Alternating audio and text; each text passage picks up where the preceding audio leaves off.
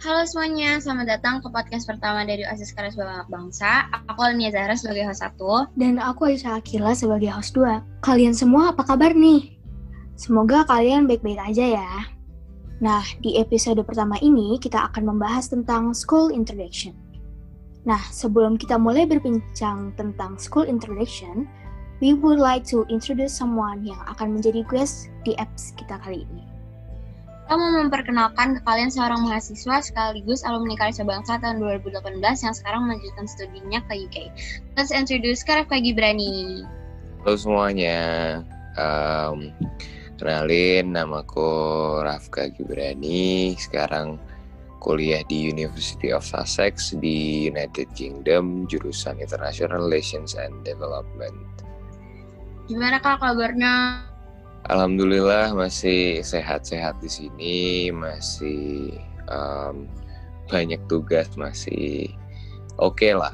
Walaupun banyak berita yang uh, mengkhawatirkan, cukup mengkhawatirkan tentang Inggris belakangan ini sehingga membuat Inggris dibuat uh, membuat Inggris diboykot di beberapa negara. Tapi Alhamdulillah sehat-sehat semuanya mahasiswa di sini di Indonesia mahasiswa Indonesia di sini juga sehat-sehat gitu. Oke, langsung aja ke pertanyaan ya. Pertama, apa sih yang bikin Kak Rafa tertarik sekolah di luar negeri? Um, Sebenarnya kalau ngomongin tertarik atau nggak tertarik itu uh, kalau kuliah ke luar negeri lebih ke melihat kualitas pendidikan luar di luar negeri sama kualitas pendidikan di Indonesia.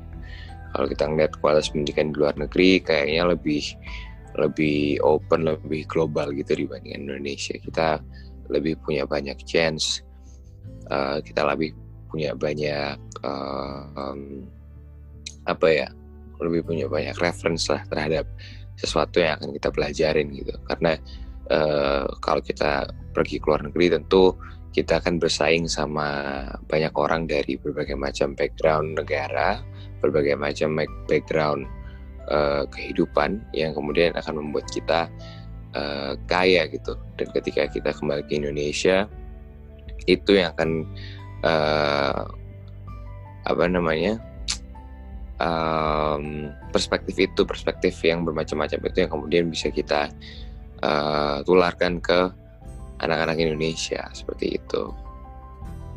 Oke, kakak pertama kali tahu sekolah itu dari mana? Sekolah Karisma Bangsa ya? Atau sekolah yang sekarang sekolah ini?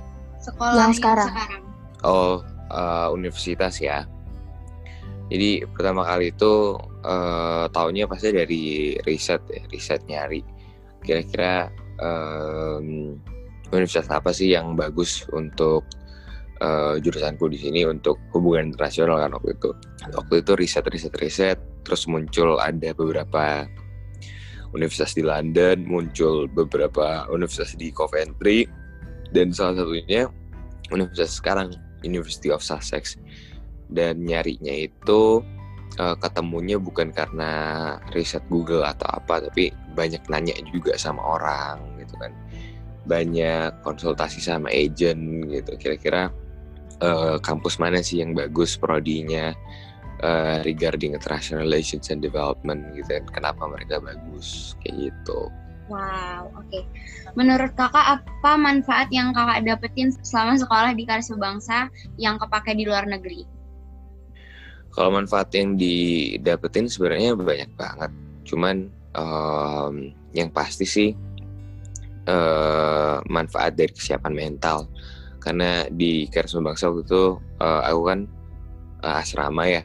Asrama dan saat itu guru-gurunya abi-abinya itu um, somehow membuat kita lebih siap secara mental ketika kita akan pergi ke luar negeri. Mereka ngasih tahu nggak cuman enaknya aja ketika kuliah di luar negeri tapi nggak enaknya juga dikasih tahu. Terus mereka ngasih tahu gimana sih persiapan uh, secara rohani, secara jasmani untuk pergi ke luar negeri biar kita pas ke luar negeri itu tetap menjadi diri kita gitu, bukan menjadi uh, seseorang yang uh, istilahnya jauh berbeda dengan kita yang di Indonesia bu, maksudnya bukan menjadi diri kita sebenarnya gitu.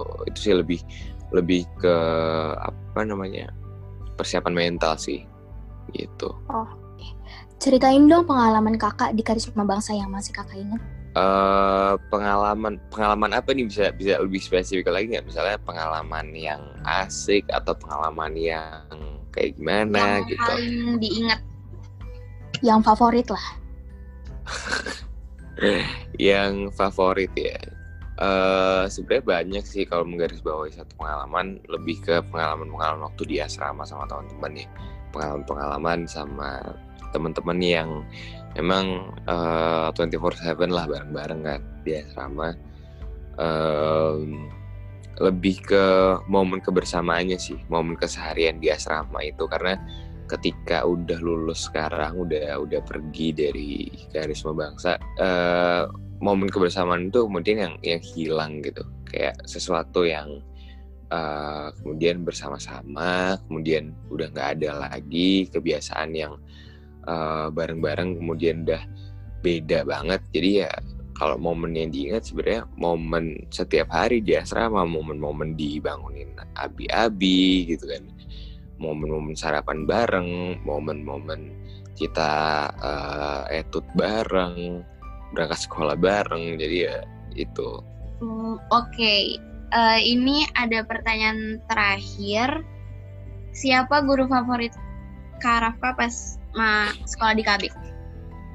Uh, guru favorit, uh, jujur ini ini ini susah sih pertanyaan yang susah karena uh, guru favorit mungkin Pak Nur Hadi ya karena beliau um, waktu itu aku sering juga istilahnya lebih spend time sama beliau beberapa kali pergi ke luar negeri sama beliau juga dan um, banyak belajar dari Pak Nur Hadi dan apa chemistry-nya udah ada aja sih. Um, karena beliau juga guru yang sangat open minded guru yang um, apa ya yang sangat menjunjung, menjunjung tinggi yang namanya disiplin. Itulah banyak belajar sih dari Pak Hadi. Jadi ya karena itu guru favorit gitu. Oke. Okay. baik sekian dulu kayaknya dari episode podcast bersama kita by the way thank you banget ya Kak Rafa Rafka yeah, sudah meluangkan waktunya untuk hadir di podcast kita dan stay tune juga buat next podcast buat next episode karena kita bakal bikin podcast yang lebih seru lagi. Monsper, thank you so much Kak Raka. Nah, sekarang mari kita nikmati persembahan dari salah satu teman kita yaitu Zara Zarifa yang akan membawakan lagu Kokoro no Tomo. Semoga suara lembutnya bisa menemani hari kalian ya. Selamat menikmati. And see you in the next episode.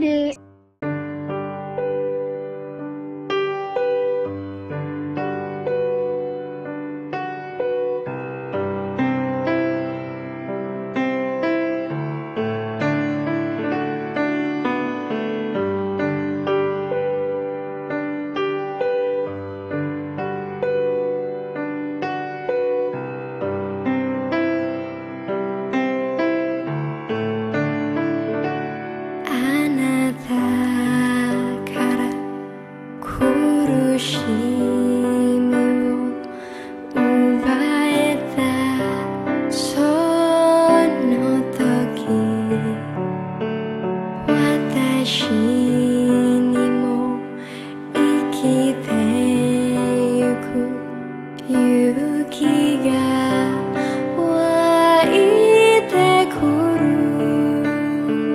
あなたと出会うまでは孤独なさす